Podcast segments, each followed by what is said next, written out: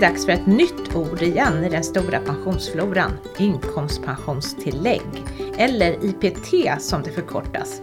Inte att förväxla med ITP som handlar om tjänstepension. Idag ska vi klara ut vad det här är för pengar och vilka som får dem och om även de som går i pension de närmaste åren kan räkna med det här extra tillägget. Med oss i studion idag så har vi en person som kan allt om inkomstpensionstillägget. Välkommen Sofie Kraft Nilsson från Pensionsmyndigheten. Tack så mycket. Och i studion sitter ju också då Kristina Kamp och så jag Maria Eklund från Min Pension. Just det. Det gör vi, hej. Mm.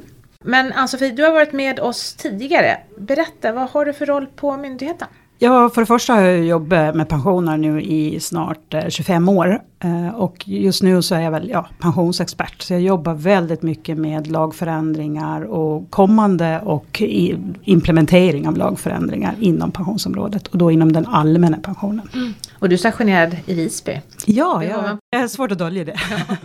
Och ni har skickat ut nu en massa brev med information om det här tillägget. Vilka är det som får breven och vad handlar de här breven om egentligen? Mm. Inkomstpensionstillägget är ju en ny förmån som eh, lagstiftaren har beslutat om. Och den ska tillfalla samtliga pensionärer, det vill säga alla de som är över 65 år och tar ut sin allmänna pension nu inför man inför den här förmånen. Och man kommer ju att betala ut förmånen första gången i september. Så nu här i augusti så har vi då prövat rätten till den här nya tillägget för samtliga pensionärer över 65 år som uppfyller villkoren för inkomstpensionstillägget. Så då har vi skickat ut nästan två miljoner beslut. Här ja, och då måste jag bums flika in min man som fick en, en, en sån här brev och så stod det att han skulle få noll kronor. Hur gick det till? Ja, det, det går till så att vi har, eh, din man har rätten till, det vill säga han uppfyller villkoren. Och villkoren är ju att man ska vara över 65. Man ska ha minst ett år med pensionsgrundande inkomst, det vill säga man ska ha arbetat och betalt skatt och fått en pensionsgrundande inkomst. Minst ett år. Och så ska du ta ut din allmänna pension. Och med allmän pension i det här läget så pratar vi inkomstpension eller tilläggspension. Plockar man bara ut sin premiepension, då uppfyller man inte villkoren för att få det här tillägget. Och även de då som ligger och får noll kronor, det vill säga man har antingen för liten pension eller för hög pension för att få det här tillägget. Så får man ändå ett beslut om att rätten till finns men att beräkningen gör att man får noll kronor. Så det är ingen som ska oroa sig för att de har inte räknat på mig utan ni har räknat? Vi har räknat på samtliga och varför man får det här beslutet är för att vi vill visa att vi har prövat rätten och du har rätten. Skulle det bli någon förändring på din inkomstpension i framtiden så behöver du inte bekymra dig. Skulle du då genom den här förändringen hamna inom det här intervallet som man måste vara i för att få det här tillägget. Då får du tillägget med automatik. Mm. Du som pensionär behöver inte göra någonting. Det är ju jättebra. Men det här tycker jag är så spännande. För det här är alltså egentligen ett statligt stöd. Det är ja. pengar som tas från statskassan.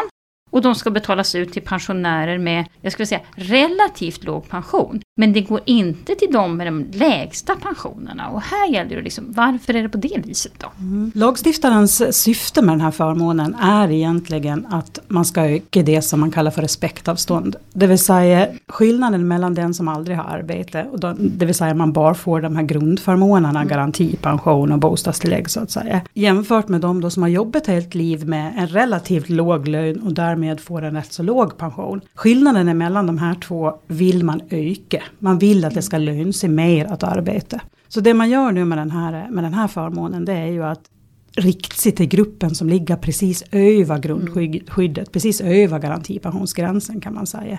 Och de ska få en högre pension. Och det hänger ju också ihop med att för eh, två år sedan, eller ett och ett halvt år sedan, i januari 2020, då höjde man ju garantipensionen. Så då kom ju de lite mm. närmare, de som hade arbetat helt liv. Mm. Så nu vill man då rikta sig till gruppen däröver så att säga. För att öka gruppen, det här då. Har vi gruppen ovanför så kommer de att bli sura. Ja, ja det här låter som ett chicken race. Ja. Men vilket är det här intervallet då tänker jag, där, som mm. du pratar om? Man ska ha en beräknad inkomstpension på emellan 9 000 och 17 000 i månaden före skatteavdrag för att få det här. Och då är det eh, fastslaget en tabell så ligger du då på 9000, då får du 25 kronor i månaden före skatt i inkomstpensionstillägg. Sen går det uppåt, ända upp till då, där, om du har det mellan 11 000 och 14 000, då får du 600 kronor i månaden före skatt. Sen trappas den här tabellen av igen, så att mellan 14 000 och ner då till 17 000 i inkomstpension per månad före skatt, så får du ner till 25 kronor igen. Så det är som en, liksom, en puckel Mm. kan man säga. Men jag tänker de här som ligger runt 9000 som då bara får 25 kronor. Ja. Blir inte de sura om de som är i det andra spannet och 14 000 får 600 kronor? Det är ju väldigt många och vi får väldigt mycket samtal att varför jag som har så liten pension, Ja. varför får jag så lite? Ja, det känns Och jätteorättvist. eller? det är ju lagstiftarens beslut att införa en förmån som, som ser ut så här så att eh, Men hur har man tänkt tror du? Varför blev det Ja, men så? det är väl respektavståndet? Det är inte det? För att, jag respektavståndet. menar, det Du menar att de har också... inte tjänat in så mycket då, de som har 9000? Nej. De har inte jobbat så många år, så de har inte... det har de troligtvis inte. Och Nej. ligger du på 9000 har Ja, du troligtvis en garantipension Ja. också. Mm. Men det är väl också så att det finns ett x antal, antal år som du bör ha tjänat in till din inkomstpension för att liksom kvala in. Ja, för att kvala in till inkomstpensionstillägget så finns Ja. det ett antal år. Ja. Inkomstpensionen som sådan, men där, nej, det ju, nej, där jag- är det ju bara menar- pengarna som Ja. räknas. Men när du, när, om du då ligger inom det här intervallet, Ja. Då ska du ha jobb i Sverige ett visst antal år och Ja. ha ett, ett rätt så bra antal år med PGI, pensionsgrundande Ja. inkomst. Och är du då född fram till 1944, för, Mm. 1944 eller tidigare, Mm. då krävs det 35 år. Och är du född 1945 eller senare, då krävs det 40 år Ja, så alltså med 40 pensionsgrundande inkomst. 40 år ska du ha jobbat och betalat skatt. eh, Ja. Ja. Och, och det här, jag, jag älskar ju den här tabellen på Pensionsmyndighetens hemsida. Jag måste bara flagga för den. Om man liksom undrar hur många år har jag jobbat då? Så kan man ju se det svart på vitt. Om man loggar in på Pensionsmyndighetens hemsida och tittar på, jag vet inte, min prognos eller mina pensioner. Eller Mina förmåner. Mina förmåner. Till ja. och med. Mm. Och där rasslar alla år i, det är sån här eh, brutal. Kan man sitta och räkna Så kan man sitta själv 1, 2, 3, 4, 5. Ja. Och det, det är så fantastiskt att du, att du nämner det, därför att jag skulle också vilja slå ett slag för om man nu sitter med sitt eh, beslut om inkomstpensionstillägget och funderar på, ja men varför, jag har ju faktiskt en pension som ligger inom det här intervallet, varför får jag bara 25 eller Ja. varför får jag ingenting? Mm. Gå in, logga in på min, mina sidor på Pensionsmyndighetens hemsida och gå till mina förmåner. Där visar vi nämligen vilket, vilken beräknad inkomstpension vi har använt för att titta i tabellen vad du ska ha. Plus att vi visar hur många år har du faktiskt med PGI som vi har använt för att räkna inkomstpensionstillägget. Det är nämligen också så att den här inkomstpensionen som ligger till grund för inkomstpensionstillägget är beräknat som om du tar ut den vid 65 år Mm, just det. och utan avkastningen på premiepensionen. Ja. Det vill säga vi räknar som om hela inkomstpensionen och premiepensionen var inkomstpension, Mm. intjänad och uttagen vid 65 år. Så har du gjort ett tidigt uttag, säg att du tar ut din pension vid 63, då är ju din utbetalning lägre Mm. Än vad den pension som vi använder när vi tittar i den här tabellen, vilket inkomstpensionstillägg du har då. Och har du då tagit ut senare, ja då har du en högre utbetalning än vad vi har använt i beräkningen, eftersom vi alltid utgår från 65 år. Det där är ju intressant för det kan ju, borde rimligen vara så att du kan faktiskt ha en högre pension än 17 000. Det vill säga du kan ha jobbat några år till så du har fått mera pension av det skälet. Du kan dessutom ha haft en ganska bra avkastning på din premiepension. Och då skulle du ändå kunna få ja, typ 25 spänn. Exakt, exakt. Och sen var det ju det där med, med, med åren också. Då. Mm, har du nu du fått 25 kronor, låt oss säga att du ligger där i övre intervallen, du har fått 25 kronor. Eller om du ligger i den lägre, Mm. där det också är 25. Men du har inte jobbat dina 40 år. Nej, Eh, Då, då avkortas ju de här 25 kronorna i förhållande till antal år som du har jobbat ihop mot talet 40. Så har du jobbat 20 år, du får 25 kronor i inkomstpensionstillägg, ja då delar vi ju det med 20 40 Det vill säga du, du Oh. får 12 12 och 50. Finns, Nej, och, finns nej, det och sådana? 12 och 50 betalar vi inte ut så då får du skatta. 13 kronor. Är det inte så att man ska skatta på de här pengarna också? Ja. Ja, det. Så det blir inte en liter bensin ens en gång pengarna? Nej. Inte en liten mjölk? Nej. Nej. Nej. Nej, och- spara, varannan månad kan man köpa lite mjölk. Ursäkta att jag låter så Ja. negativ men... Nej, det verkar lite fjompigt. lite. Kan man väl tycka, men... Vi har ju också sett en del ärenden som just får de här väldigt små beloppen, eller Ja. 25 kronor eller Ja. där runt så att säga. Som ligger i, eh, i ett, i ett skattetabellsintervall Mm. som är precis på gränsen upp till nästa intervall i, i skatteavdraget. Så då går man back. Åh, Då kan gud. man faktiskt gå back om det ska vara så att man har hoppe i skattetabellen. Så då kan man få några kronor mindre i utbetalning i september än vad man får i augusti. Det här är kul. Alltså jag tänker bara så här, att det här har ju skapat så mycket förväntningar hos pensionärerna säkert när de har hört om det här och så, så blir det kanske väldigt mycket negativt nu. Negativa känslor som, som då hamnar hos er på Pensionsmyndigheten, eller? En del. Ja. Mm.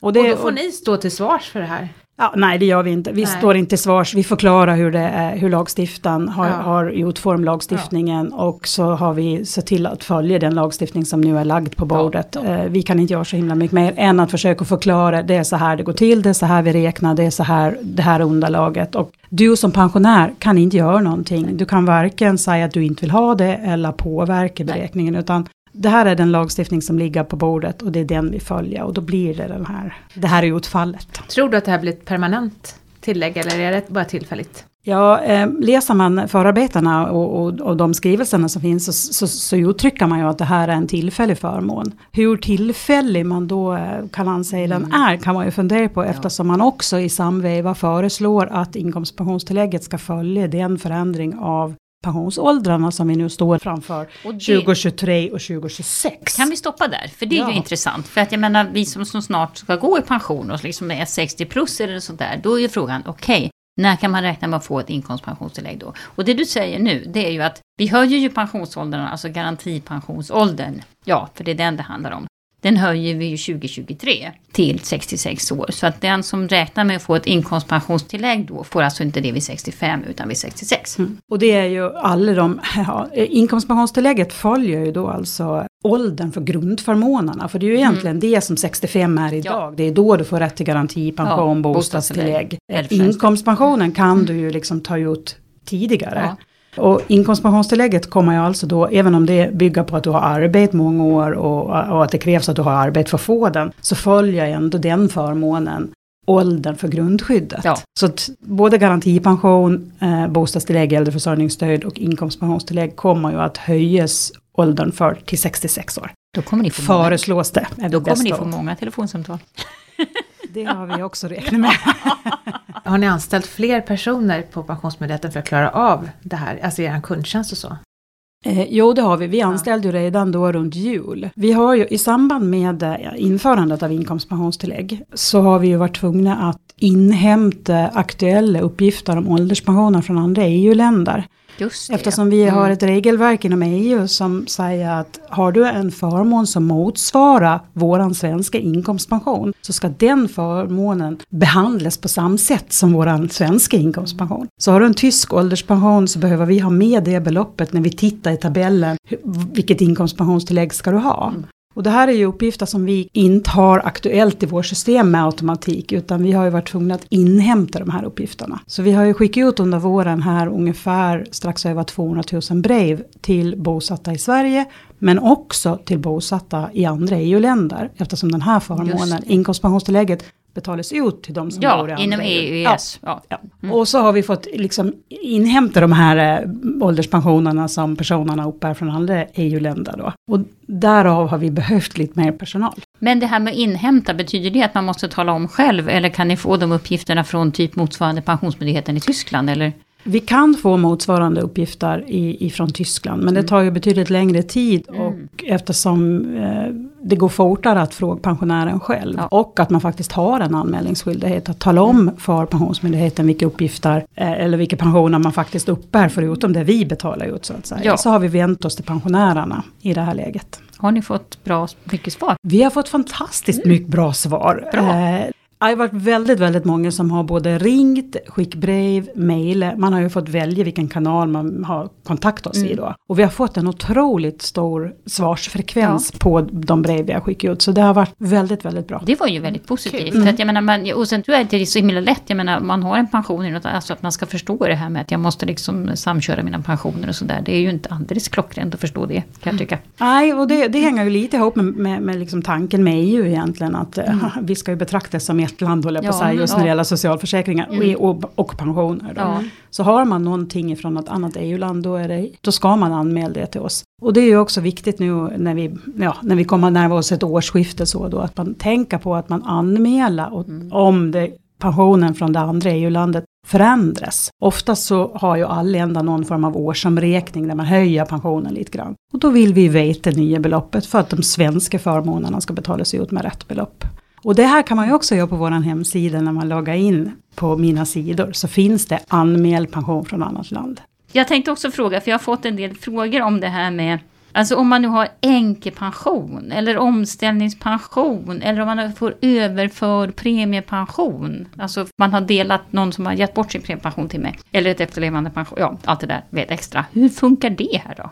Det påverkar inte alls inkomstpensionstillägget mm. eller tvärtom. Eh, har du änkepension så tar vi inte hänsyn till den när vi prövar Nej. inkomstpensionstillägget. Likadant med omställningspension. Mm. Omställningspension kan du bara få fram till 65. Ja, just det, den finns ju liksom Nej, inte efter det. Ja. Men vi, när, det, när det gäller inkomstpensionstillägget så är det ju väldigt rent om jag mm. uttrycker mig så. Ja. Det är den allmänna inkomstpensionen vi tittar på i då som om den tas ut vid 65. Inga andra förmåner. Mer än eventuellt då pension från ett annat EU-land. Men inga änkepensioner, inga tjänstepensioner, mm. ingen premiepension. Den faktiska så Nej, att säga. Och inte om du har någon överförd eller någon livränta eller något sånt. Hur är det nu? Det spelar alltså ingen roll egentligen när det gäller premiepensioner. Det spelar ingen roll om jag haft en bra eller dålig värdeutveckling. Kom, det kommer att räknas på samma sätt i alla fall. Ja. Så som att pengarna låg i inkomstpensionen. Exakt. Med samma värdeutveckling som inkomstpensioner har haft. Den där summan pengar som avsätts till premiepensionen under ditt yrkesverksamma liv. Mm. Det är just bara det, det värdet på den avsättning, din pensionsrätt så att säga som vi tar hänsyn till. Och då räknar vi den som inkomstpension också. Ja. Så oavsett om du har haft fantastiskt bra utveckling mm. på premiepensionen eller lite mindre bra så bortser vi helt och hållet ifrån det. Utan det är väldigt neutral beräkning kan man säga. Att det du har tjänat in till allmän pension, det är det som också ligger till grund för inkomstpensionstillägget. Men, men annan fråga då. Jag menar om nu det här, det här stödet blir liksom mera permanent. Då ska man väl räkna upp de här pengarna. Alltså hur blir det om två år? Hur räknar man upp det här inkomstpensionstillägget? Det kan inte vara 17 000 som är gränsen varje år. Nej, det stämmer alldeles mm. utmärkt det. Den här tabellvärdena, de här mellan 9 000 och 17 000, kommer vid varje årsskifte att räknas upp på samma sätt som den löpande inkomstpensionen gör, det vill säga det vi kallar för följsamhetsindexeringen. Så att de här intervallgränserna kommer liksom att följa mm. inkomstpensionen och höjas i samma utsträckning som den löpande pensionen gör. Så ligger du i ett intervall nu då 2021 så, och, och sen kommer vi till årsskiftet så kommer ju både ditt intervall och din inkomstpension att räknas om mm. på sam, med samma värden. Ja. Så du kommer att ligga kvar i samma intervall så att säga. Men det kommer förmodligen vara ungefärligen samma personer som får det här inkomstpensionstillägget? Ja, om det inte händer ja. någonting med, den in, med, med inkomstpensionen Nej. som gör att du, att du hamnar utanför eller ja. hamnar i eller så. Så ja. det, det, kommer ju under var, vid varje årsskifte att tillkomma och försvinna några personer mm. som ja, men de, de, får högre pension så de kliver utanför intervallen. Eller de får ny pensionsrätt så de kommer upp till intervallerna, ja. 9000 så att säga. Så det, det, en viss rörlighet kommer det ju att vara. Men de här 25 till 600, mm. de är ju permanenta. Om ah, inte eh, lagstiftaren Det, det ska politikerna säga till om man vill höja beloppet ja. helt enkelt. Ja. Okej, okay, men det var mm. intressant att klara ut. Men Kristina, hur fungerar det på min pension då? Kan man se om man har inkomstpensionstillägg på min pension? Finns den med i prognosen? Nej. Nej. Det är helt enkelt också precis som vi har pratat om att det här är vi är ju inte säkra på om det här är, kommer att liksom bestå eller inte. Och sen är det också så pass nytt så det var liksom svårt att klämma in. Eh, men däremot så får man en liten flagga om man har fyllt 60 år och du går in och gör en prognos och du kan vara berättigad till de här pengarna. Så får du en liten signal, en sån där liten klocka som det står att eh, du kan vara berättigad och du får ta kontakt med, med Pensionsmyndigheten då och höra Ja, nu får du några till samtal. Och vad, och vad får man för svar och se då, då man ringer? Ja, man får tyvärr ingen prognos på inkomstpensionstillägget om man inte redan plockar ut sin pension och uppfyller villkoren, alltså är 65 år. Mm. Då kan vi börja prata om, men då ska du ju redan ha fått ett beslut nu då. Däremot så kan vi ju utifrån prognosen göra en bedömning mm. att hur, hur sannolikt det är och vart i intervallet man skulle kunna ja. hamna. Och lite också kring antal år man har tjänat in om man då skulle få heltillägget eller om, om det fattas år så att säga. Men tyvärr så har vi alltså ingen möjlighet att ge en prognos eh, vad gäller inkomstpensionstillägget Nej. för tillfället. Och eh, det hänger ju också då på att precis som Kristina säger, den är tillfällig mm. kanske. Eh, och att vi inte har hinner med och gjort någon, något verktyg för att räkna prognoser för inkomstpensionstillägget. Mm. Men man kan ju säga det då att för många som alltså har en relativt låg allmän pension och så går man in och gör en prognos. Så kan det ju vara så att man både har garantipension som vi inte heller ännu så länge redovisar, eller just nu redovisar i, i prognosen. Det kommer mm. kanske att komma 2022. Ja, eller? det har vi blivit ja. Mm. lovade. ja. På våren. Eh, eh, men det kan ju vara hoppfullt då. då. Men, men som sagt, här får man en en tydlig signal om det är så att man är berättigad till garantipension eller i det här inkomstpensionstillägget och då får man höra av sig till myndigheten. Eller också bara tänka att jag får nog lite mer pengar än det här och det kan ju vara kul. Det kan vara roligt. Ja. När det gäller garantipensionen kan vi passa på, vi, för det kan vi ge en prognos om man, om man hör, Ja. av, till, hör av sig till Just oss. det. Om man liksom börjar närma sig, som du säger, man är Mm. över 60, man börjar fundera på vad man vill göra. Och kanske också när är, vad är det för ålder som kommer att gälla för mig? Ja, Eh, just det. Det kan ju också vara lite intressant. pensionsåldrarna. Ja. Verkligen. Och det är likadant där, då får man en flagga på min pension och då får man ringa till er på Pensionsmyndigheten. Ja, eller mejla. Eller mejla, ja, kanske ännu hellre. Man har mycket att göra, mejla Ja. istället. Då hamnar ni inte i tråkiga telefonköer heller, det är väldigt Nej. bra. Är det någon fråga som vi har glömt att ställa tycker du Ann-Sofie? Nej, jag tycker att vi har fått med både att de som är över 65 behöver inte göra någonting idag. Eh, vi har kanske inte pratat om vad som händer om jag vill ansöka om pension från januari 2022 kanske. Nej, vad vill du säga om det? Ja, jag behöver egentligen inte säga så himla mycket för att lämnar man in en ansökningshandling till oss på Pensionsmyndigheten, jag vill ha min allmänna pension. Då tar vi över ansvaret och så prövar vi alla de delarna inom allmän pension som du har rätt till. Och det gör vi oavsett hur gammal du är när du lämnar in din ansökan. Är du bara 64 år när du lämnar in din ansökan så håller vi i ordning på när du har rätt till både garantipension och inkomstpensionstillägg. Så en ansökan, alla delförmåner inom allmän pension. Åh så skönt. Du behöver ingen specialansökan för det här. Nej. Nej. och sen har vi kanske inte heller sagt att bostadstillägget påverkas ju inte heller av det här. Att även om man får så att säga mera pension då för att man får inkomstpensionstillägg så kommer bostadstillägget att vara kvar på samma nivå. Exakt. Det vill säga mer pengar i plånboken. Men om vi summerar det här då, så det jag har hört är att jag behöver inte göra någonting själv, pengarna kommer ändå. Och det gäller då mig som har en allmän pension på mellan 9 och 17 000. Jag kan vara berättigad till att få det här om Ja. jag har jobbat tillräckligt många år. Och ingenting syns idag på min pension, Nej. de är en liten flagga. Och då får man i så fall förstå att man ska kontakta Pensionsmyndigheten och ni kommer då inte kunna heller. Vi kan resonera om Ja. trolighet, Rimlig- troligt trolig eh, intervall och troligt belopp. Ja. Mm. Det var väl så man kan summera det, eller? Ja, det tycker jag. Och möjligen med det här tillägget att man kan faktiskt, om man har mm, haft en väldigt bra utveckling på sin premiepension, så kan man faktiskt få lite inkomstpensionstillägg fast man kommer över det här 17 000 eftersom premiepensionen Just räknas det. som att den hade vuxit med Just inkomstpensionen. det. Så det kan bli lite mer, precis. Tack för att du kom hit idag Ann-Sofie. Ja, men tack så mycket för att jag fick komma hit. Ja, jättekul. Ända från Gotland. Jajamensan. Vi är så hedrade. Tack. Tack.